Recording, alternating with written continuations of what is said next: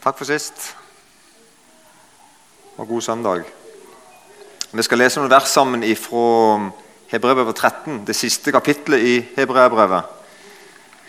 Som forresten slutter sånn. I den siste versen så står det Jeg har jo bare skrevet til dere i all korthet, står det der. Og det kan vel vi diskutere, hvor vi syns 13-14 kapittel er ganske langt, egentlig. Men, men det har veldig mye å si. Så bare Før vi leser de versene, så vil jeg bare si litt om, om hebreerbrevet. Som dere kanskje har hatt om litt før òg. Det, det, er det er et enormt brev der, der vi blir tatt med inn i en forståelse av at Jesus Kristus er større enn englene. Jesus Kristus er større enn Moses. Jesus Kristus er større enn den gamle pakt. Han er, han er, han er en, en, ny prest, en ny profet, en ny konge, en ny pakt. Han gjør noe helt nytt. Og så vises det som et stort, stort altså med, Du som hører Jesus til, du hører til et, en, en, enorm størrelse. Du, du, du tror på Israels Gud, Abrahams Gud, Jakobs Gud.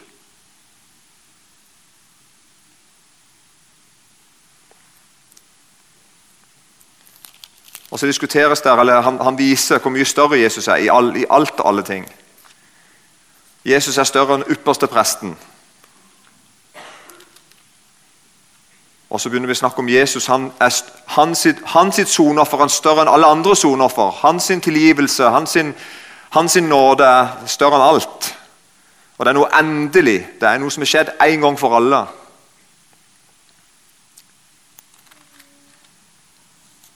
Og Ikke sånn å forstå at den gamle pakt var dårlig eller gal, men den viser bare fram mot noe som er større, bedre.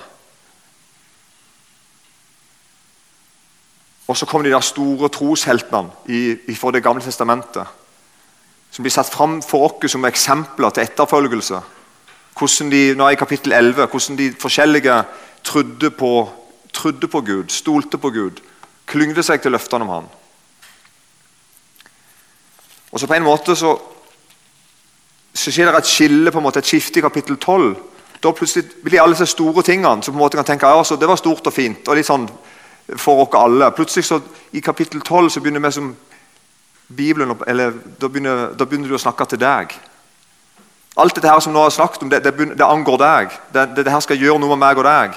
I kapittel 12 så begynner det sånn La oss derfor, da vi nå har en så stor sky av vitner omkring oss på, på bakgrunn av alt det vi nå har hørt.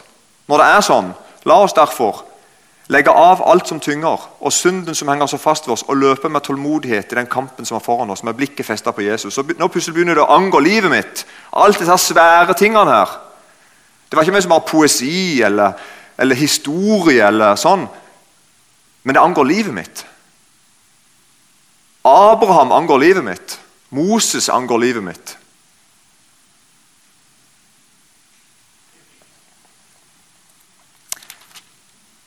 Og så kommer kapittel 13. Så begynner det sånn.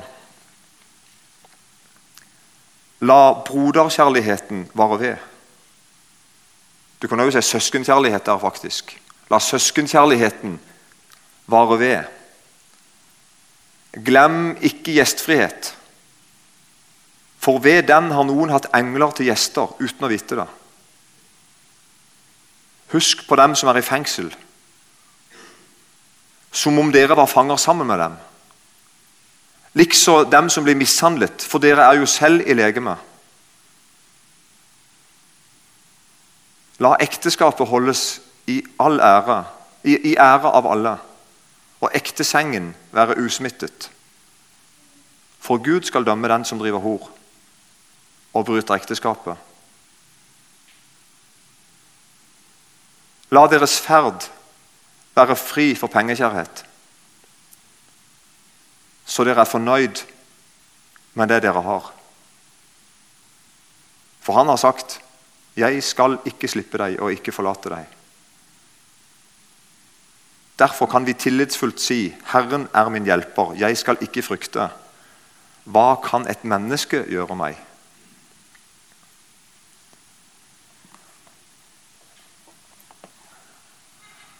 En til.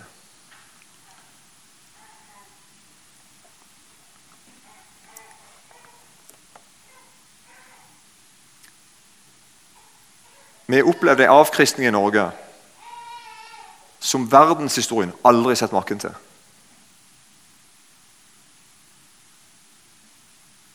Det har gått ekstremt fort. Og det har på en måte skjedd i forhold til før, mye mer i på en måte demokratiets navn. Vi er ikke blitt hærtatt av et fiendeland som presser på oss ting med kulere krutt. Vi har på en måte vært med på det, på sett og vis. Så det skjer på, på lyse dagen på TV og med folk som er oppegående og utdanna. Er ikke med?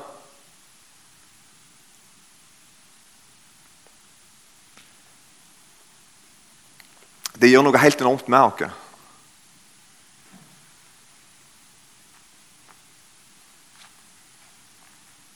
Nå For ikke lenge siden så har jeg vært en plass og talt til helt unge mennesker. Ungdomsskolealder.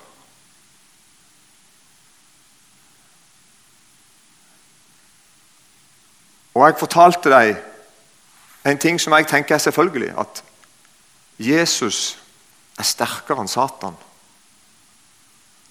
Og så merket jeg at det var utrolig interessant for dem å høre på. For de kjente Satan.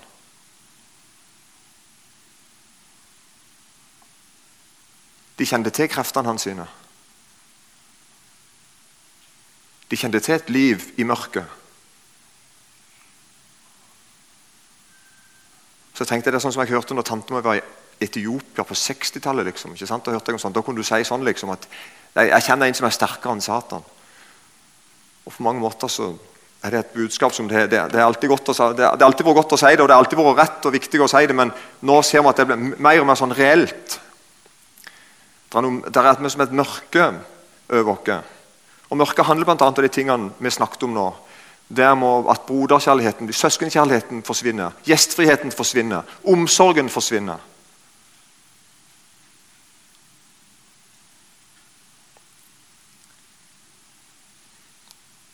Hvorfor kunne ikke alt bare vært som før? spør en del trøtte kristne.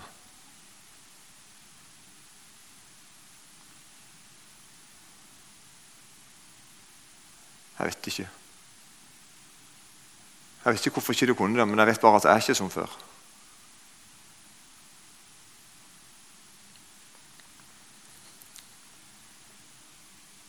Hva er da de kristne sin respons på dårlige tider? Jo, En del kristne dusses ned av løgner om at det sikkert går bra til slutt. Må ikke overdrive det heller. Det går sikkert fint på en eller annen måte.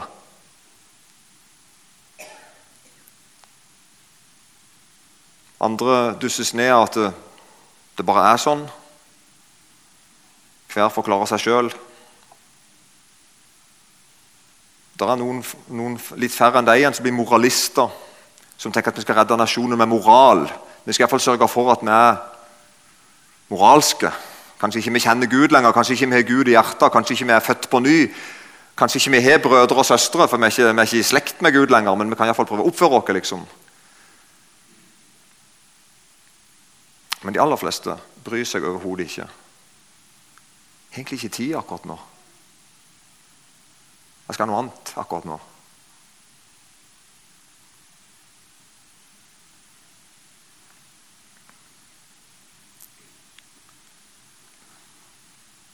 Jesus Kristus.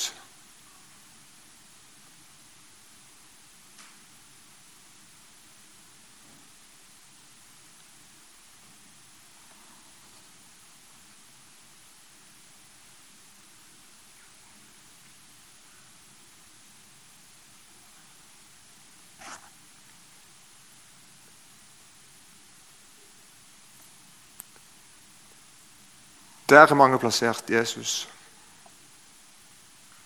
passer ikke inn lenger.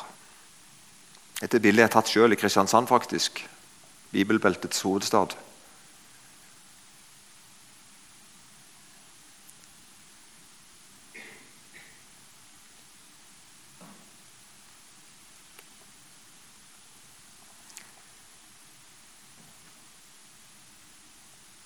Og Samtidig er det litt fint, det bildet. For det er kanskje der, sånne plasser som det at Jesus er å finne òg.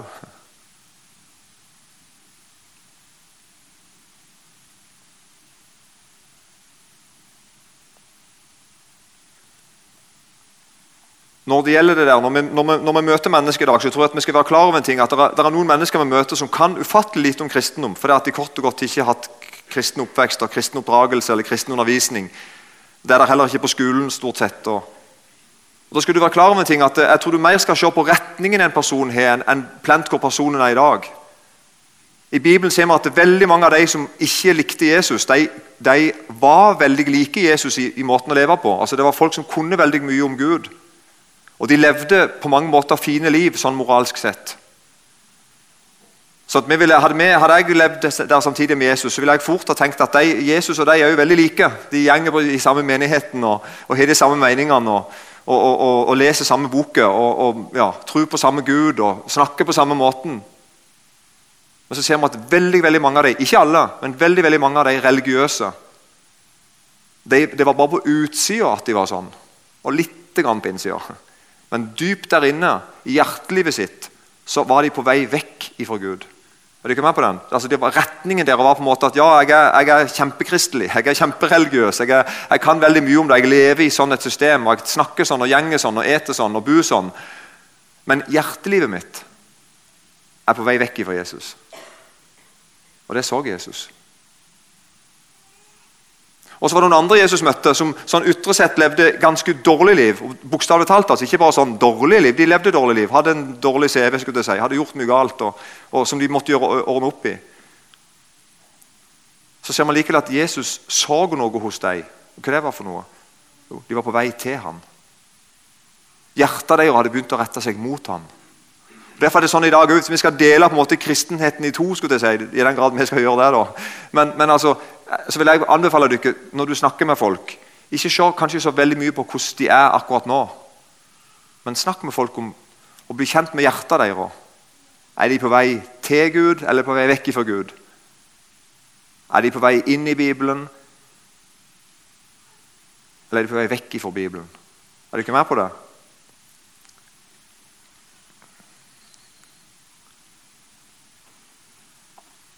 I den bibelen som jeg bruker, en, som heter Bibelen Ressurs, en sånn en kommentarbibel, så stender det om hebreerbrevet dette, så det er bare sånn, Nå har jeg bare sånn skrevet nøyaktig ned det som stender der.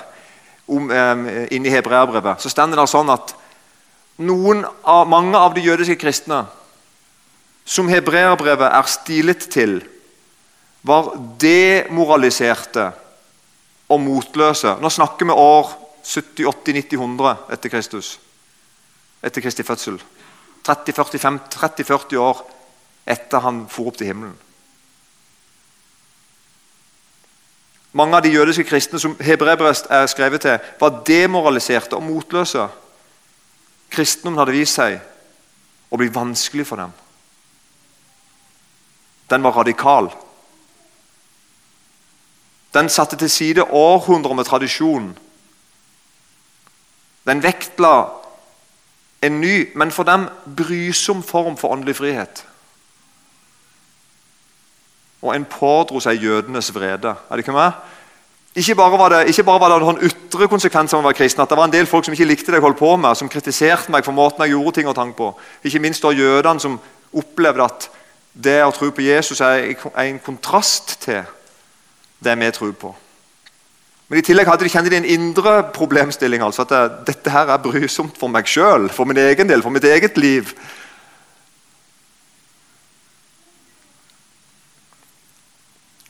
Mange omvendte var innstilte på å snu og forlate de urolige troens farvann til fordel for det bekvemme, kjente livet.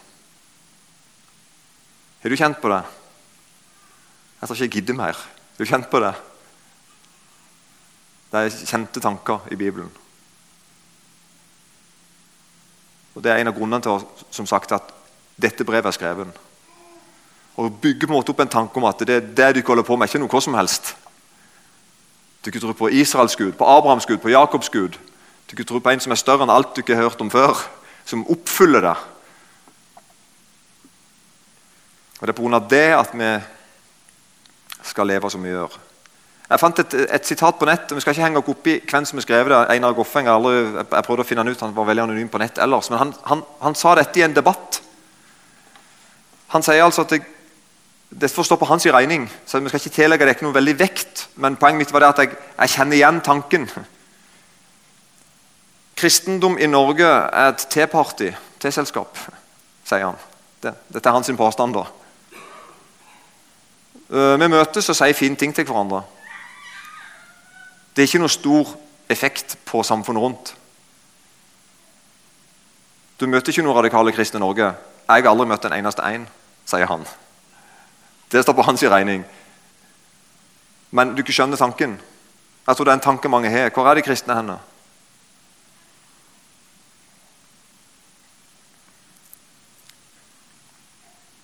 Tror du at Gud forandrer?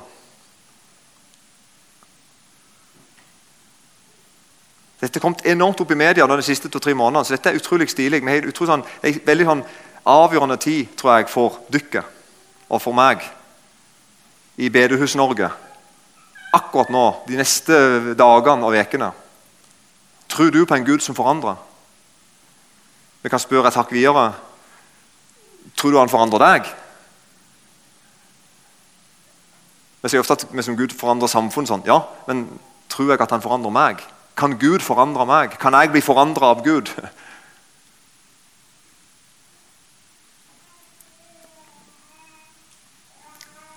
Jeg sendte melding til Rikard i forgårs og sa at jeg kommer til å vise bilde av deg på Fokus hverdagsmyndighet. Og han sa 'så bra', eller 'så gøy', sa han faktisk. Så fint du ser det sånn, sa jeg. Um, jeg gidder ikke å prøve det. Er en link der, da. Men um, du kan gå inn på VG. Det er bare for et par dager siden. Så ligger han ute med en to-tre minutt film. Kanskje noen her har sett den også. Der hele poenget er at Rikard, som er fra Sandnes, som er kristen, han sier at han opplever seg tiltrukken til mennene og delvis til damer. Og så har han da fått homoterapi på en måte. Og sier at jeg har snakka med kristne, andre kristne brødre som har hjulpet meg, og jeg ønsker ikke å leve ut noe som jeg ser i Bibelen som er galt. Og så forteller han med frimodighet og, og med frimodighet forteller han hvordan han tenker om Gud. Og sier at jeg kan ikke, jeg kan ikke, jeg kan ikke redefinere ekteskapet fordi om jeg føler det annerledes. sier han. Fantastisk vitnesbyrd. Ta og Hør det hvis, hvis ikke du allerede har hørt det. Du, kanskje du ikke kjenner han, iallfall, jeg vet. Gjør du ikke det? Nei? Utrolig godt vitnesbyrd. Og Det er dette det er en veldig kamp imot. Nå var dette et spesielt tema som er oppe akkurat nå disse dager. Eh, det er vel på mandag liksom, eller noe sånt det skal diskuteres eh, i Stortinget. Men her er det en ting, altså. Nå, nå tenker jeg ikke bare på ekteskapslov eller på seksuell identitet. eller sånn. Jeg tenker generelt. Det ser ut til at vi har fått en kristendomsforståelse som innebærer ingen forandring. Vi bare tro. Og så er det en tanke av ikke-kristne rundt dere at kanskje du ikke egentlig bare, går, kanskje du ikke bare pakker deg inn på noe bygg her og der, og så sitter dere og tror og så, i et par timer. Og så går ut igjen og så, og så være som dere andre. Ikke sant? Og så er det en del kristne som tenker at jo, det er meningen. Det vil si vi har lyst til å ha fire timer, så vi har lyst til å ha statsstøtte for det. Skjønner du ikke? Altså, Nesten ingen forskjell.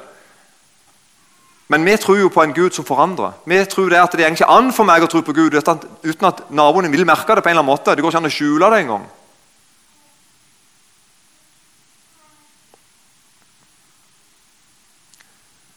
Motstanden mot en Jesus som ber oss om å bære, følge, elske, betale, tåle, den er stor. Når Jesus kommer inn i livet ditt og vil ha plass Du er jo kjenner på en motstand, ikke sant? Og Noen bruker til og med Guds ord mot Jesus og sier at det handler ikke om gjerninger. sier vi, og Så viser vi til Paulus og dem. Og så nesten setter vi Paulus og dem opp imot Jesus og sier Jesus, du, du, får, du, du, kan ikke kreve så mye av meg. Du kan ikke forandre meg. Det er farlig. Kristendom, det å være født på ny, det hører Jesus til. Det er å leve i en omvendelse, og det er å leve i en forandring. Det er å ha en herre som er annerledes enn andre herrer. Livet mitt blir annerledes enn andre sine liv. Så det er noen som tenker at Ja, ja, jeg er enig i at det er visse ting vi må forandre. Det er visse ting vi skal være imot. Er det ikke med? Vi har, vi har med som den saken og den saken og den diskusjonen og den, den teologiske greia. Og så blir det, sitter vi ofte igjen med sånn Men ikke meg og mitt. Jeg skal ikke forandres. Jeg skal ikke bøye meg.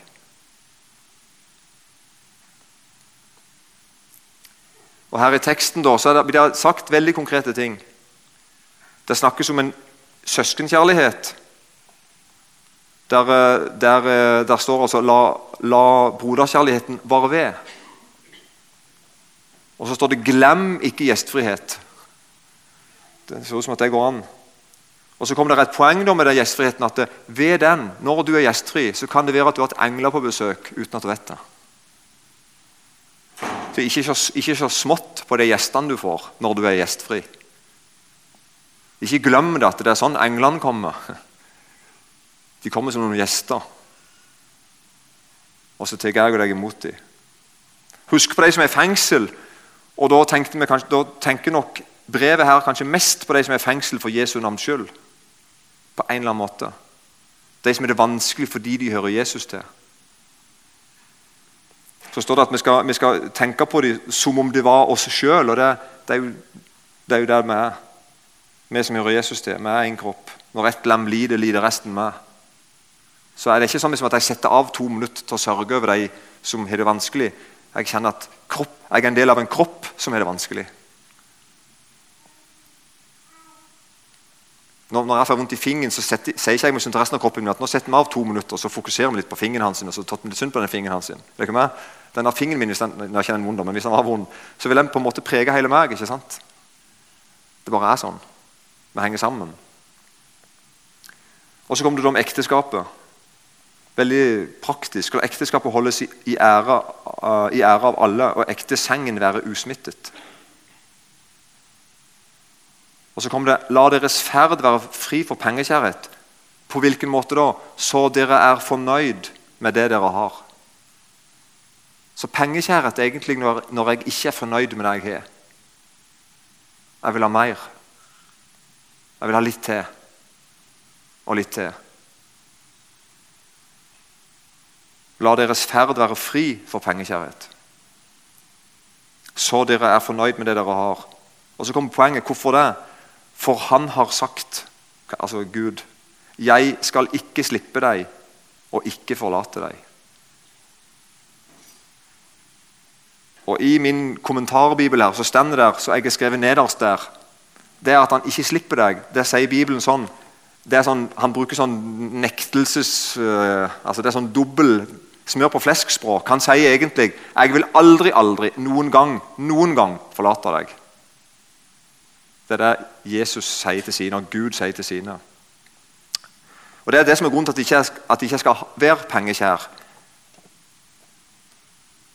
Det er det at jeg skal vite om at jeg har en som sørger for meg. Som har sagt han skal aldri, aldri, noen gang, noen gang slippe meg. Jeg hører Jesus til. Så lev som om Gud fins. For han har sagt 'Jeg skal ikke slippe deg og ikke forlate deg'. Derfor kan vi tillitsfullt si 'Herren er min hjelper'. Jeg skal ikke frykte. Hva kan et menneske gjøre meg?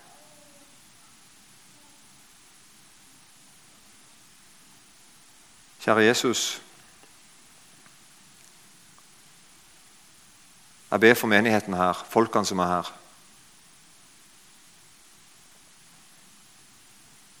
Og for meg.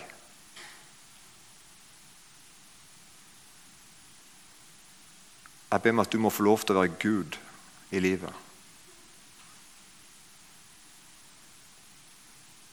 at du er Herren.